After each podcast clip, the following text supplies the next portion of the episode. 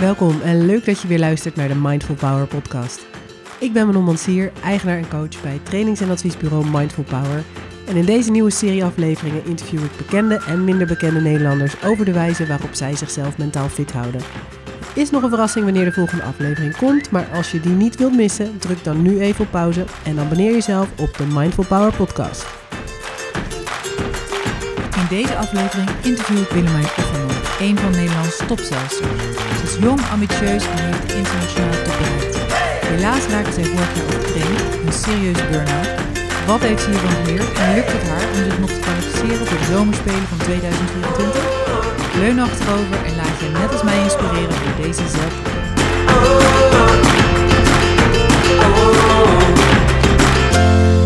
Goedemorgen Willemijn Offerman, welkom in de Mindful Power podcast op deze treurige, beetje grijze maandagochtend in oktober. Ja, dankjewel. Leuk om er te zijn. Ja, superleuk dat jij uh, in de podcast uh, wilde komen. Uh, vorige maand spraken we elkaar. Het was al langer het plan om jou hiervoor uit te nodigen, maar door drukke programma's is het niet eerder gelukt. Maar gelukkig ehm, heb je een gaatje kunnen vinden in je schema. misschien is het handig voor de luisteraar om iets meer te weten over Willemijn. Willemijn is namelijk een van Nederlands beste zelsters.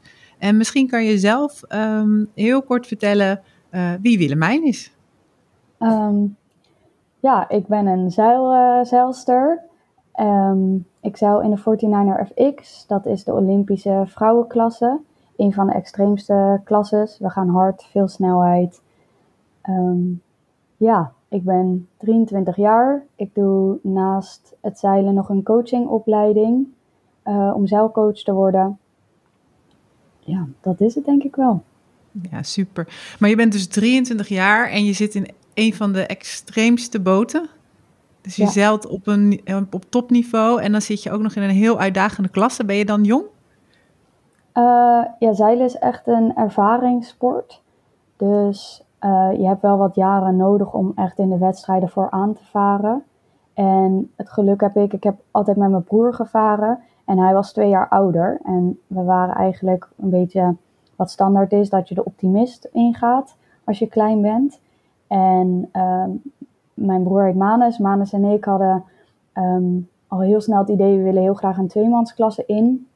Dus zo zijn we eigenlijk samen gaan varen. En omdat hij twee jaar ouder is, ben ik eigenlijk steeds best wel vroeg naar de volgende klasse gegaan. En was ik ook dus best wel vroeg in de 49er FX, dus de boot waar ik nu in vaar uh, beland. En dat heeft wel geholpen met de ervaring die ik op deze leeftijd al op heb gedaan. Um, ja, om op het niveau waar ik nu zit. Ja, en zijn jouw concurrenten, uh, internationale concurrenten, zijn die meestal dus wat ouder? Uh, ja, meestal wel wat ouder, ja. Oh ja, dat is ook wel bijzonder, hè? Het lijkt me ook wel een uh, extra uitdaging, naast dat volgens mij fysiek ook echt veel van je wordt gevraagd. Ja, ja, je moet en, uh, kunnen rennen en springen. ja, precies. Ja, joh. En uh, waar ben je op dit moment? Want voor je werk, want het is jouw werk, hè? Je doet dit fulltime met dan nu ook nog de opleiding daarnaast. Ja. Um, waar ben je op dit moment mee bezig? En waar ben je? Uh, ik ben dit moment in Nederland. Uh, helaas uh, zijn er twee bemanningen. Ik ben zelf stuurvrouw, geblesseerd geraakt. En um, ik vaar in een tweemansklasse, dus ik heb wel echt iemand naast me nodig. En voor de rest zijn er gewoon op dit niveau op dit moment geen bemanningen die fit zijn en ja, die kunnen varen. Dus ik zit even thuis, even op pauze met hoe het de aankomende tijd gaat. Ja, en waar ben je nu mee bezig? Dus volgens mij komt er over anderhalf jaar of zo, 2024, in Parijs weer een Olympische Spelen aan. Ja, Is dat klopt. het grote doel of zit er nog veel meer tussen? Um, eerst moet ik me kwalificeren voor de Olympische Spelen. Dat is natuurlijk wel echt een super belangrijk uh, punt. Um, ja, dus dat komt er volgend jaar aan. Volgende zomer is dat. Uh, daar staan nu wel alle ogen op gericht. Um, en ja, het ligt ook een beetje aan het herstel natuurlijk hoe, um, hoe, hoe het gaat met die uh, kwalificatie. Want ik neem het op tegen een sterk team die dubbel wereldkampioen is. En ja, dus het is uh, niet tegen de minste. Ja, precies. Dus je weet al hoe dat team eruit ziet. En voor Nederland is het nog niet helemaal zeker met welke bemanning er gevaren gaat worden. Ja, klopt. Oké, en je noemt net herstel. Bedoel je dan het herstel nu van, een, van je teammaatje of bedoel je je eigen herstel? Uh, van mijn teammaatje. Ik kan zeggen dat ik helemaal hersteld ben, gelukkig. Um, je bent de afgelopen jaren ben jij uh, overtraind geraakt. Um, ja, misschien kan je zelf vertellen over wanneer je dat bemerkt hebt en hoe dat toen dingen veranderden voor jou. Ja, ik denk corona was voor mij best wel zwaar. Uh, ik zat zelf in het buitenland toen uh, eigenlijk alles gebeurde en moest de hals over kop terug naar Nederland. Uh, we, ik zat in Mallorca in Spanje en met alle boten op de trailer moest alles snel opladen en eigenlijk nou, binnen anderhalve dag weer terug in Nederland zijn. Dus we hebben hard zo snel mogelijk daarheen gereden. En um, toen viel eigenlijk het hele schema weg. Uh, de races werden afgelast, wat natuurlijk allemaal heel logisch is. En ik had zelf ook best wel wat angst om corona te krijgen, omdat ik was gewoon super fit. En het was natuurlijk nog heel onduidelijk wat het met je lichaam kon doen. Um, en topsport is eigenlijk altijd een uitzondering geweest, dus we mochten wel nog blijven trainen.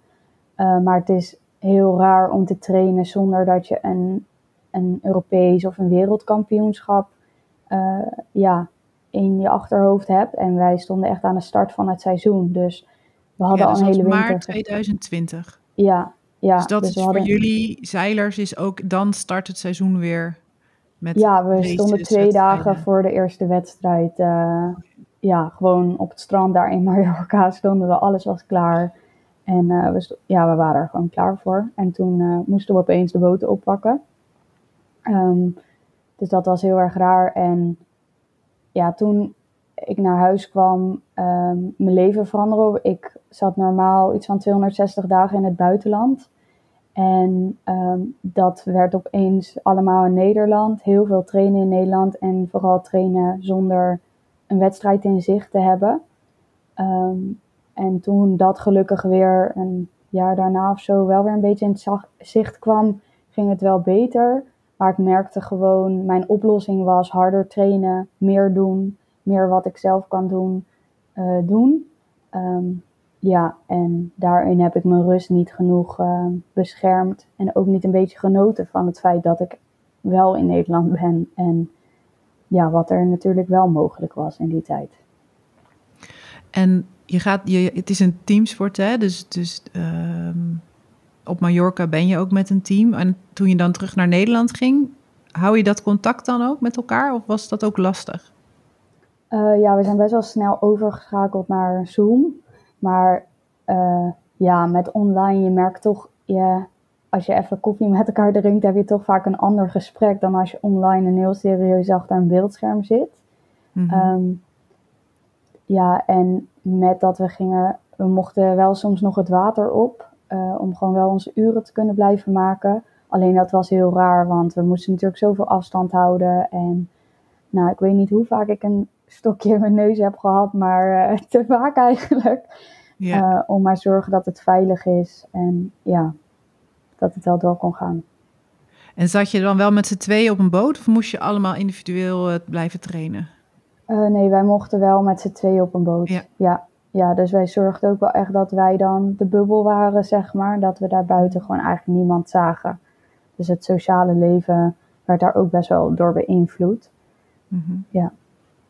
Ja, want normaal als je dan 260 dagen per jaar eh, in het buitenland bent, dan mis je natuurlijk ook je familie en vrienden.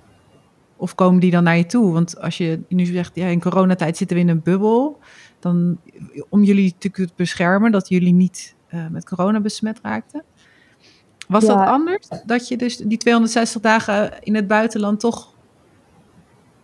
Ja, ik probeer wel als ik, ja, ik probeer wel als ik in Nederland ben, dan wel echt mijn familie even te zien. En ja, echt even thuis te zijn, zeg maar. En ja, mijn sociale leven ook even op te pakken.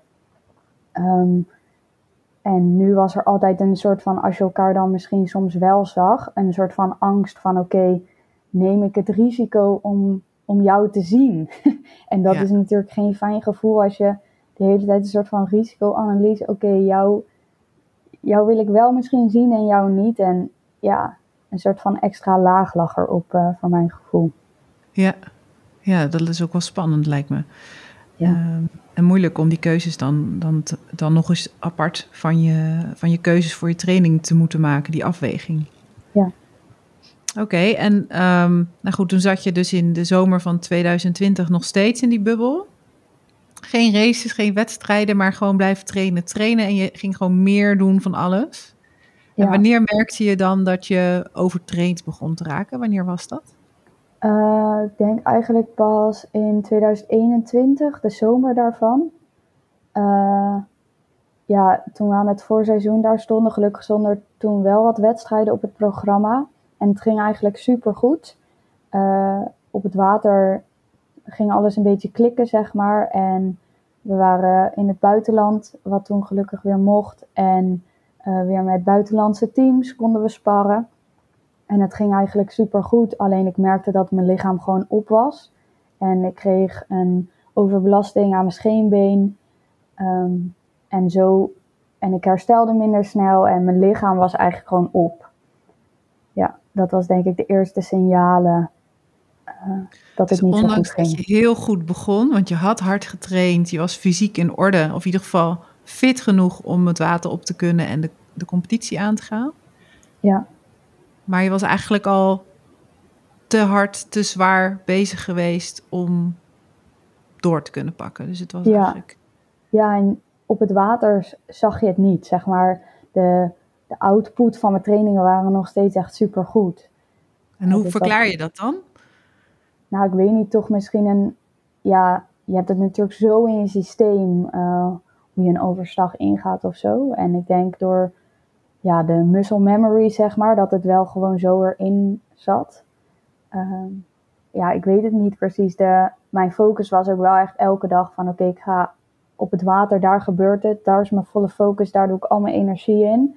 Mm -hmm. um, dus alle energie die ik per dag had, stopte ik ook echt in die twee, drie uur uh, per sessie dat we op het water zaten. Mm -hmm. Ja. En die andere 20, 21 uur die je over had van de dag, hoe zagen die er dan uit voor jou? Uh, we doen altijd twee sessies op een dag. Dus of twee celsessies of, twee, uh, of een celsessie en een fysieke sessie.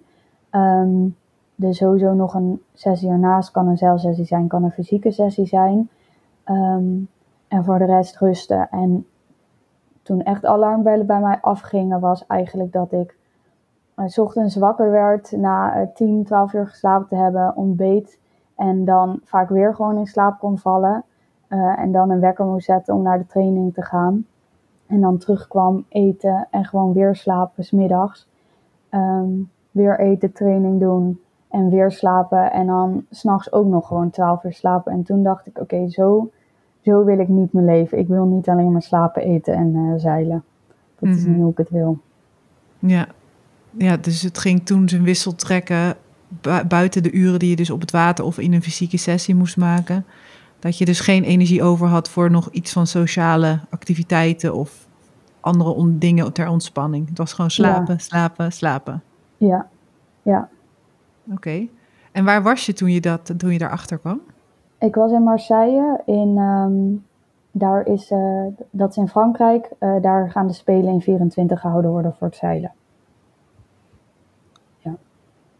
En wat heb je toen gedaan? Um, nou, gelukkig toernooi afgemaakt? Er, uh, of, um... Nou, gelukkig was het geen toernooi. Het was echt het water verkennen voor ja, de spelen die er aan zitten te komen. En gelukkig staat er een team om me heen. Uh, fysio's, mental coach. Um, en ja, die heb ik eigenlijk uh, gecontact van hey, het gaat niet goed. En uh, de coach zag het ook nog niet helemaal dat het zo slecht met me ging. Eigenlijk dat ik gewoon echt geen energie voor iets anders had. En toen heb ik eigenlijk overleg gehad van oké, wat is verstandig? Um, en toen zelf besloten van oké, okay, ik, ik, stap nu op het vliegtuig terug naar huis. Het kan gewoon niet meer. Uh, ik wil meer dan een zeiler zijn. En nu ben ik echt een zeiler die vooral heel veel slaapt. en ja. dan krijg ik het geluk niet meer. Uh, dan, ja, dan vind ik mijn leven niet meer zo leuk. Nee. En dus je bent op het vliegtuig gestapt en teruggevlogen. En hoe lang heeft het dan geduurd voordat je die beslissing kon nemen? Heb je dan lange tijd zelf nog getwijfeld? Van hé, hey, is dit nou de manier? Of heb je dan aan jezelf getwijfeld? Of durfde je het misschien nog niet eerder kenbaar te maken? Of... Ja, ik ben sowieso iemand die heel erg altijd het idee had van ehm, je moet ook kunnen presteren als je moe bent. Je gaat mhm. ook wel eens een wedstrijd. Onze wedstrijden duren, duren zes dagen. De laatste dag is vaak best wel zwaar. Ehm, dus je moet ook gewoon kunnen presteren als je moe bent. En daar zat eigenlijk nu een, een andere kant aan van oké, als je alleen maar in de vermoeidheid zit, uh, wanneer kom je eruit? Wanneer heb je het rustmoment? Wanneer kan ik herstellen? Ehm, ja, dus dat wou ik niet meer. nee, precies. Maar vermoeid. En heb je dat ook teruggekregen eerder bijvoorbeeld van je ouders of van je broer? Van hé, hey, Willemijn, het gaat, uh, je traint wel heel erg veel of um, je gaat al vroeg naar bed. Uh, gaat het wel goed met je? Dat je al eerder daarvoor signalen hebt gekregen? Uh, ja, en toen het fysiek ook wat minder steeds ging, zeg maar, toen was het, dat komt natuurlijk ook over belasting, komt gewoon omdat je de rust niet hebt. Mm -hmm. um, ja, dus ik kreeg wel echt ja, van familie en de fysio die ik dan regelmatig zag ook wel van hé, hey, misschien moeten we een beetje gaan opletten wat er gebeurt. Ja, dus ik kreeg zeker die signalen. Ja. ja. En zou je dat nu, um, want we gaan het straks nog wel hebben over hoe het nu met je gaat en wat je misschien nu anders doet. Maar denk je dat je de, je grenzen toen uh, over bent gegaan, een tijdje? Dat je nu eerder aan de rem zou trekken? Ja, zeker. Eerder dingen zou wijzigen? Ik denk dat ik toen helemaal niet wist eigenlijk waar mijn grenzen lagen. Mm -hmm. En achteraf gezien ben ik denk ik over zoveel grenzen heen gegaan. Dat, uh, ja, dat, ik, dat ik me nu een beetje afvraag hoe, had ik zo ver, hoe kon ik zo ver gaan. Ja. ja. Goed, en dan, en dan kom je dus thuis in Marseille in 2021 in de zomer. Ja. En hoe ga je dan, hoe ga je, dan je rust vinden? Want dat is wat je nodig hebt. Ja, ik, uh, mijn ouders waren op vakantie met uh, hun zeilboot. En uh, zij zeiden eigenlijk, kom gewoon naar ons toe. en dat was heel erg fijn. Ik, kon, ik stapte gewoon op de boot. Er was een goed bed. En zij besliste waar we heen gingen en zo. Ik had daar helemaal niks mee te maken. En ja, ik kon gewoon mijn eigen ding blijven doen. Um, en dan zie je ook van, oké, de wereld blijft doorgaan, het leven gaat door. En ik kan nu gewoon heel even stil blijven staan en even niks doen. Mm. Dat heeft me wel echt uh, heel erg geholpen. En ook gewoon de verzorging, dat ik even niet hoefde te koken. En ja, gewoon de simpele dingen hoefde te doen, zeg maar. Um, dus dat heeft me wel echt een boost gegeven. En daarna, toen ik weer thuis kwam, uh, was het ja, zelf weer mijn ritme vinden.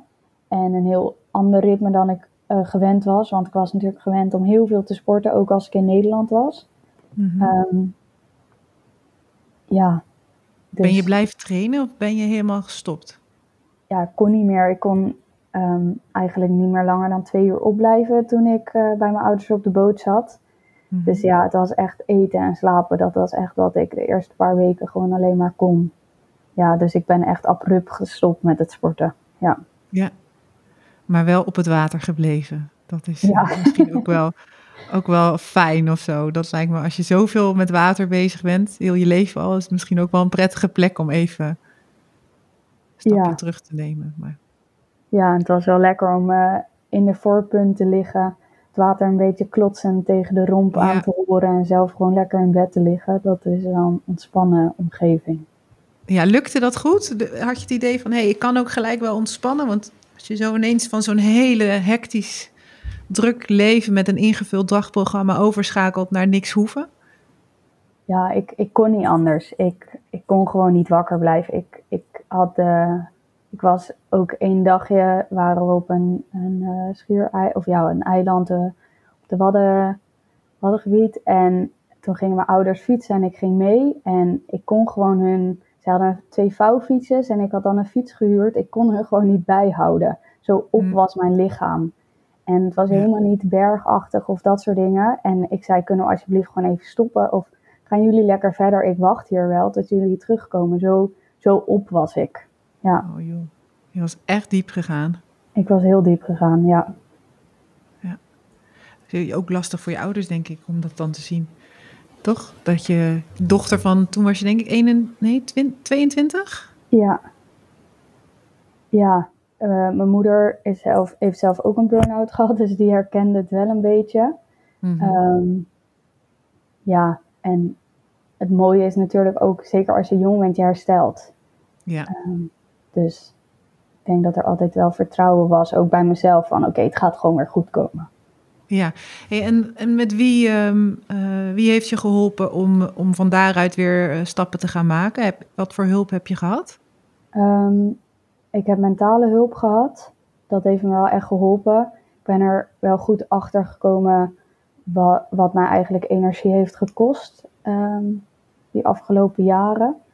Um, en wat me vooral ook energie geeft, waarvoor ik uit bed kom in de, in de morgen.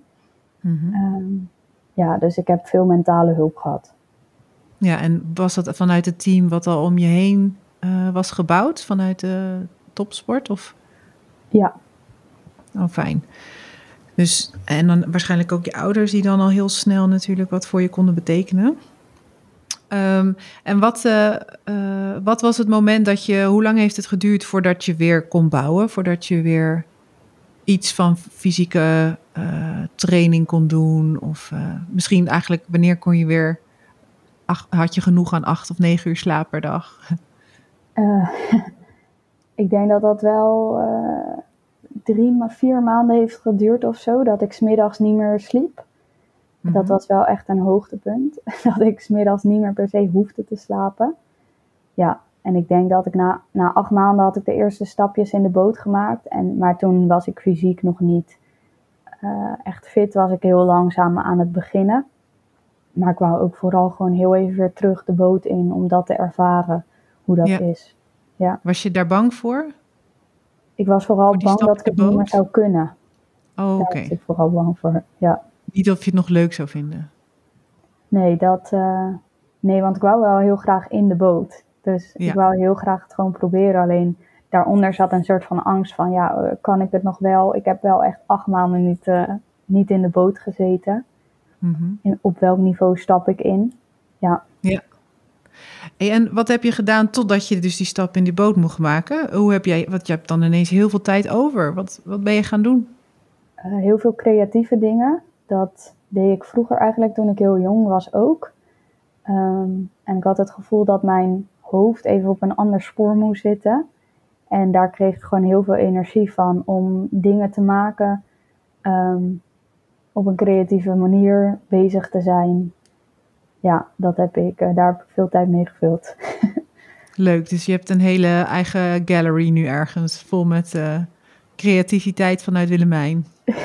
ja, ja, ja ik, ik vind het wel leuk altijd ook om wel iets te maken wat je ook daadwerkelijk gebruikt.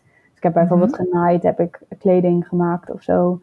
Ehm, en wel dingen die je ook, ja, die niet, eh, die niet maar gaan verstoffen in een kast of zo. Ja. Mhm. Heel praktisch. Ja, dat dan weer wel. Ja, leuk. En doe je dat dan nu nog steeds? Ben je nog steeds af en toe dat je jezelf de tijd gunt om dat soort dingen te doen? Ja, ik denk dat ik dat wel echt nodig heb om in balans te blijven. Ja. Hm. Ja, en ik doe wat er ook in is gekomen, yoga eigenlijk bijna elke dag. Om gewoon heel even een moment te hebben. Hoe voel ik me? Even tot rust te komen. Ja, en met balans zeg maar de dag in te gaan. Ja, en wat, wat brengt je dat? Dus brengt je rust? Ja, en ge- ja, een, een check-in moment zeg maar van mezelf. Hoe voelt mijn lichaam? Wat kan ik vandaag aan? Je Mhm. kan natuurlijk een keer slecht geslapen hebben of juist supergoed. En je lichaam is elke dag anders.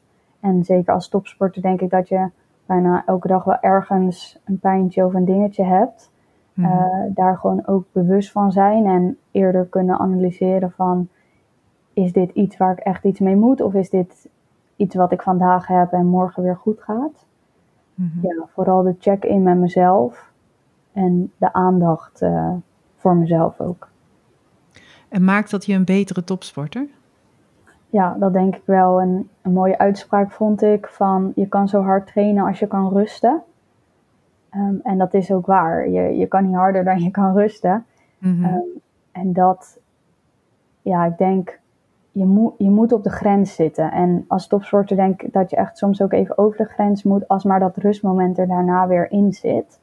Mhm. Uh, dus ja, ik denk wel dat het, een betere, dat het me een betere topsporter maakt. Überhaupt om te weten waar mijn grens ligt. Mhm. Uh, maar ook veel bewuster het rustmoment te hebben. En denk je dat je dit had kunnen leren van iemand uh, zonder die ervaring te hebben van die overtraindheid? Had je dat aangenomen van iemand? Um, nou, weet ik niet zo heel goed.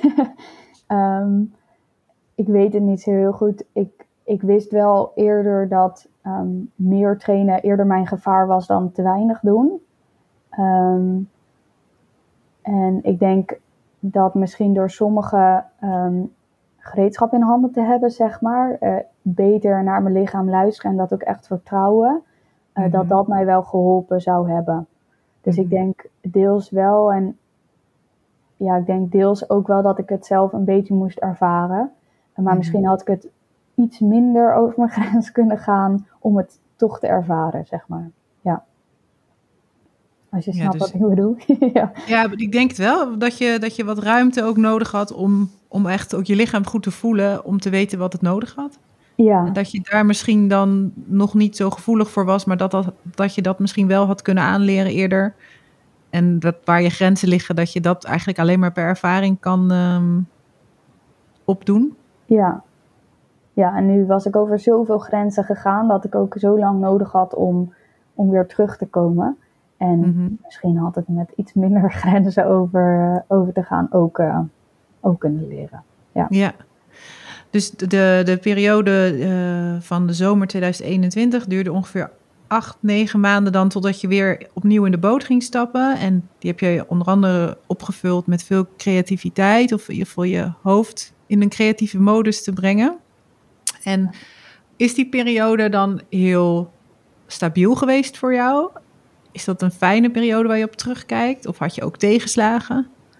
Ehm, ja, ik ben, het klinkt raar, maar best wel blij dat ik dit heb meegemaakt. Want ik denk wel echt dat dit, dat ik nu mijn leven anders, ehm, ja, anders heb, zeg maar. Of anders doe eh, dan ik daarvoor deed. Veel meer een balans. En ik denk dat dat super belangrijk is. Eh, maar ik heb zeker ook tegenslagen gehad. Ik ben over een stekker heen gestruikeld waar ik aan geopereerd moest worden aan mijn voet. Ehm, toen ik net eigenlijk wat meer energie kreeg en weer wat wou gaan doen, kon ik niks anders dan mijn been omhoog houden. Eh, dus dat was wel een grote tegenslag. En wat moeilijk was, is dat het zeilen natuurlijk doorging. En de wedstrijden waren naar het eind van het seizoen eh, verplaatst. En in september zat een Europees kampioenschap waar eh, mijn bemanning ehm, eh, Europees kampioen werd. En daarna was het wereldkampioenschap waar mijn bemanning ook wereldkampioen werd. En dat was wel echt heel moeilijk om dan thuis te zitten, niks te kunnen. Te hopen dat je het ook kon. En ook wel een beetje vertrouwen in te hebben dat, dat ik ook dat niveau eh, kon laten zien. Alleen het gewoon, ja, je staat er niet bij op de uitslagen. Nee, je Ja. staat aan de zijlijn. Ja, Maar dat waren je directe trainingsmaatjes, je, je eigen teamgenoten die die successen boekten. ja, ja. Ja, dat was, eh, dat was wel zeker moeilijk. Ja. En kon je wel met ze eh, daarover hebben? Kon je wel contact met ze hebben of was dat ook al even lastig? Ik denk vooral dat ik dat lastig vond. Omdat Mhm. eh, zij konden niet zo heel veel voor me doen. Ja, het is supergoed natuurlijk dat ze dat... Voor, voor Nederland is het natuurlijk supergoed dat ze die eh, titels halen. En daar was Ja. ik ook heel trots op. Ja. Alleen als je zelf thuis zit is dat gewoon moeilijk. En ehm, ja, ik zat toen met mijn been omhoog. En ik was bij het WK werd ik geopereerd. Ja, dat is gewoon zo moeilijk als je dan gewoon ook letterlijk niet kan bewegen. Ja, dan staat het wel heel echt- ver weg.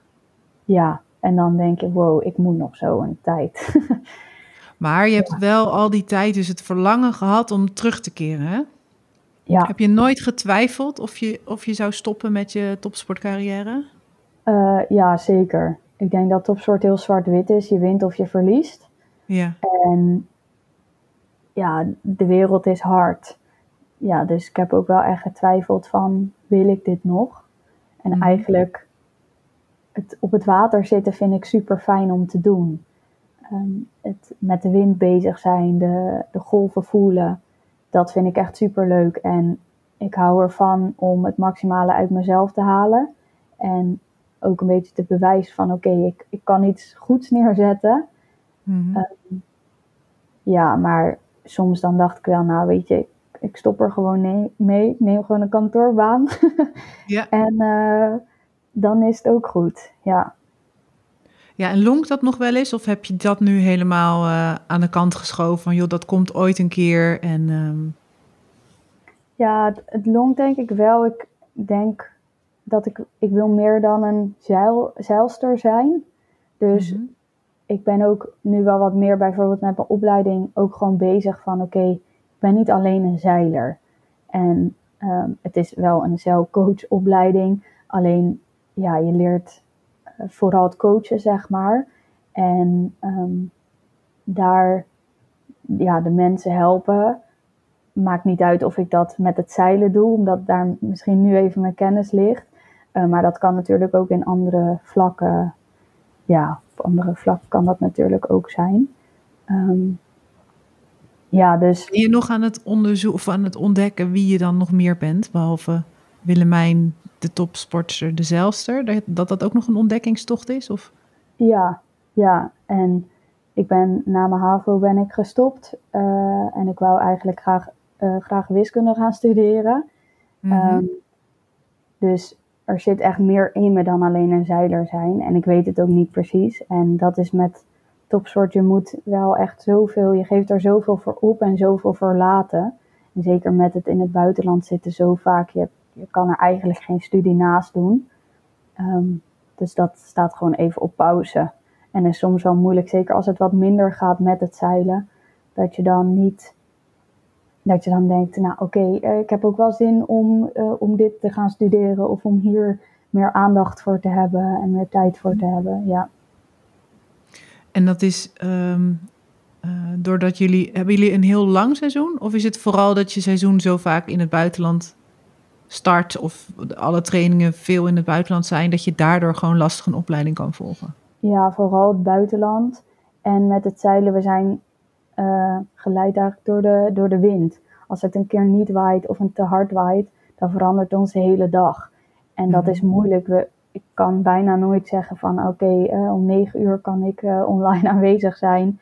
Want misschien gaan we wel het water op om negen uur, omdat dan de beste wind is. Ja. Ja. Dus ik heb eigenlijk nu hebben we wel geluk dat we jou te spreken hebben.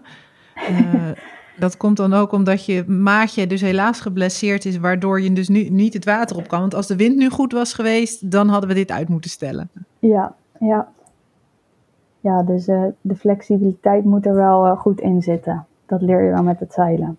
Ja, en heb je daar nog dingen in veranderd? Dus hoe je nu omgaat met een trainingsschema of ehm, met je, je weekplanning. Doe je nu dingen anders dan voordat je je burn-out kreeg? Eh, ja, ik plan sowieso mijn rust in, de rustmomenten.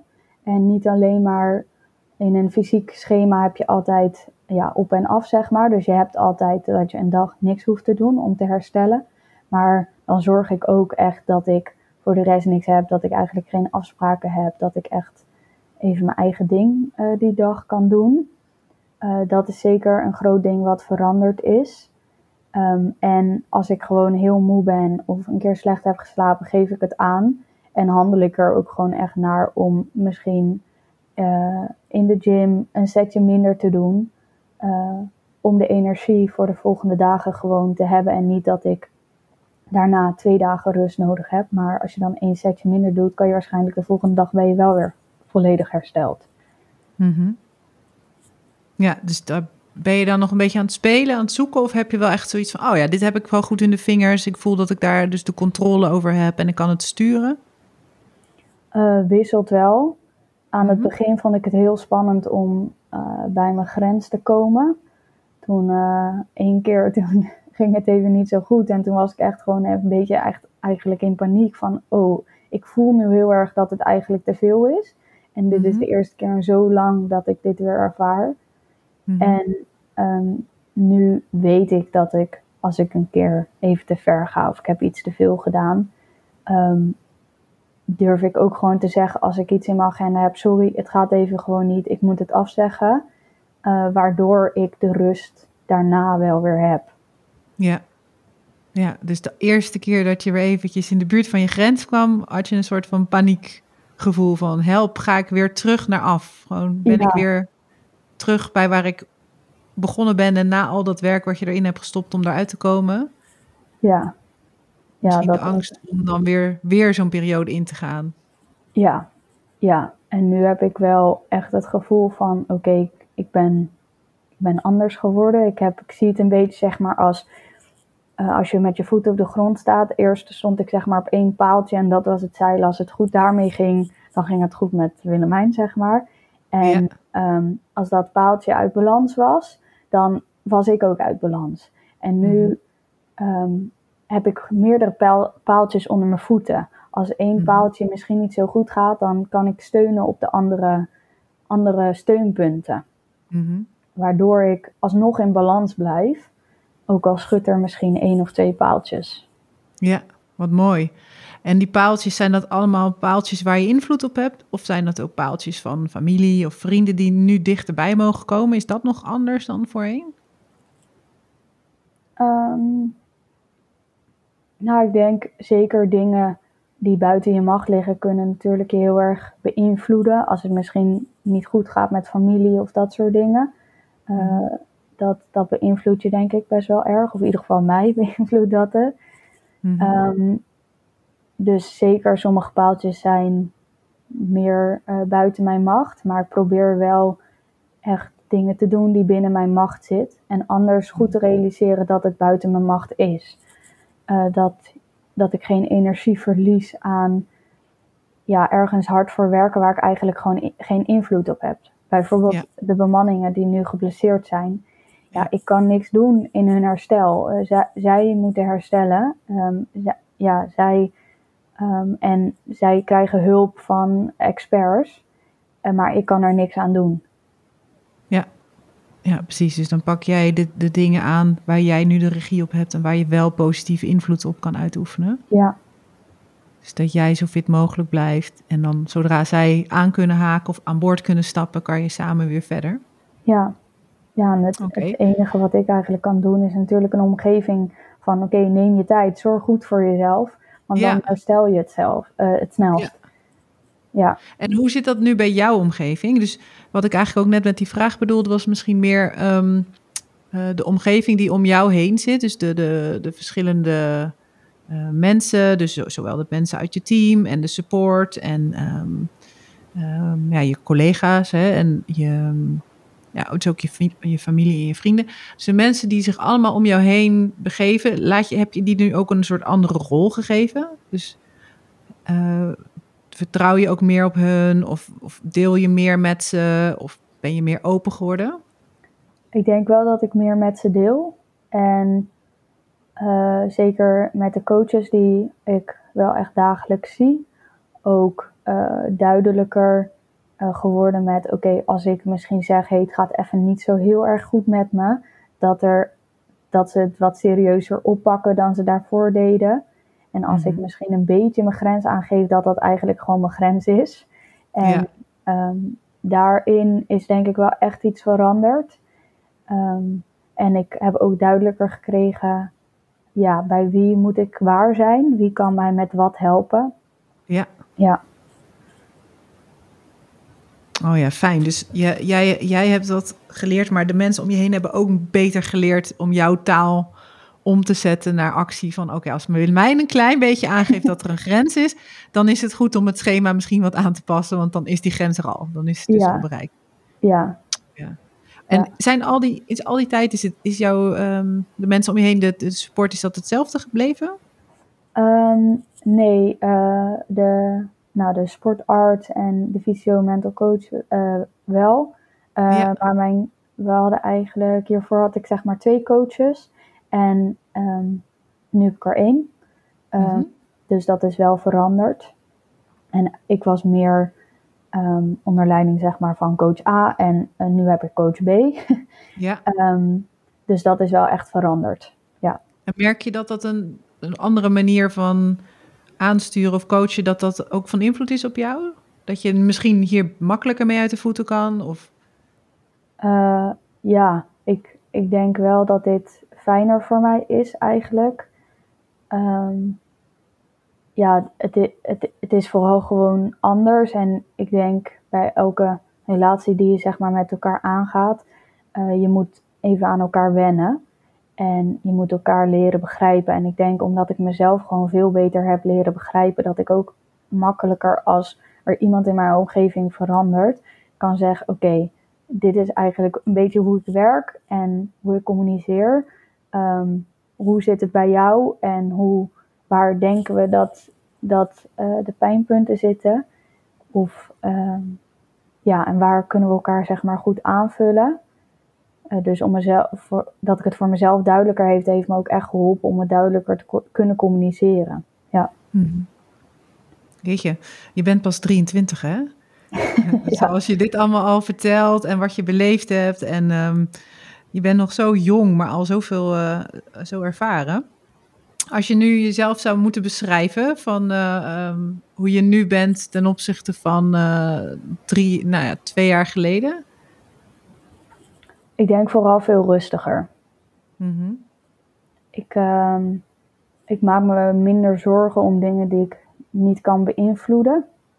Mm-hmm. En durf veel meer nee te zeggen. Doe, ja, ik, ik loop niet meer voor iedereen, zeg maar. En ik ben niet meer degene die, die altijd het maar doet als je het vraagt. Uh, en dat geeft me wel zelf heel veel rust. En ik, ik bescherm mezelf meer. Mooi. En hoe gaat jouw um, de komende maanden er nu uitzien? Want 2024 lijkt voor mij nog heel ver weg. Maar uit jouw uh, verhaal net begrijp ik al dat jullie er al jaren mee bezig zijn met verkenningen in Marseille, drie jaar van tevoren. En um, wat, is, wat is het plan nu? Wanneer uh, moet er weer een Nederlandse boot bemand zijn en wanneer starten de trainingen dan weer? Uh, nou, eigenlijk zo snel mogelijk. De, mm-hmm. Ja, het, het, gebeurt vandaag eigenlijk, is altijd de uitspraak die wij zeggen. Ja. Um, maar het kan even niet vandaag, want uh, ja, ik mis gewoon iemand die naast me staat. Uh, dus ja, dat is nu eigenlijk de factor. Er moet gewoon eerst iemand hersteld raken, zodat we de wedstrijden en zodat we de trainingen kunnen gaan doen. Mm-hmm. Dus voor mij de aankomende tijd, ik, uh, het gaat wel even duren, de, de blessure die mijn bemanning heeft. Dus ik ga heel even op vakantie, wat ik al heel lang niet heb gedaan, heel even ertussenuit. Om ja, gewoon ook even in de helikopter te gaan en even fysiek ook weg te zijn van ja, um, het zeilen, de dagelijkse routine. Mm-hmm. En ja, er ook weer fris naartoe te kunnen kijken als we wel weer uh, ja, 100% kunnen gaan. Ja, heerlijk. Wat een goed vooruitzicht. Ja. Um, nou ja, goed. En dan heb je dus eventjes lekker die ontspanning fysiek, mentaal van de vakantie. En daarna, als het kan, zo snel mogelijk dus het water weer op.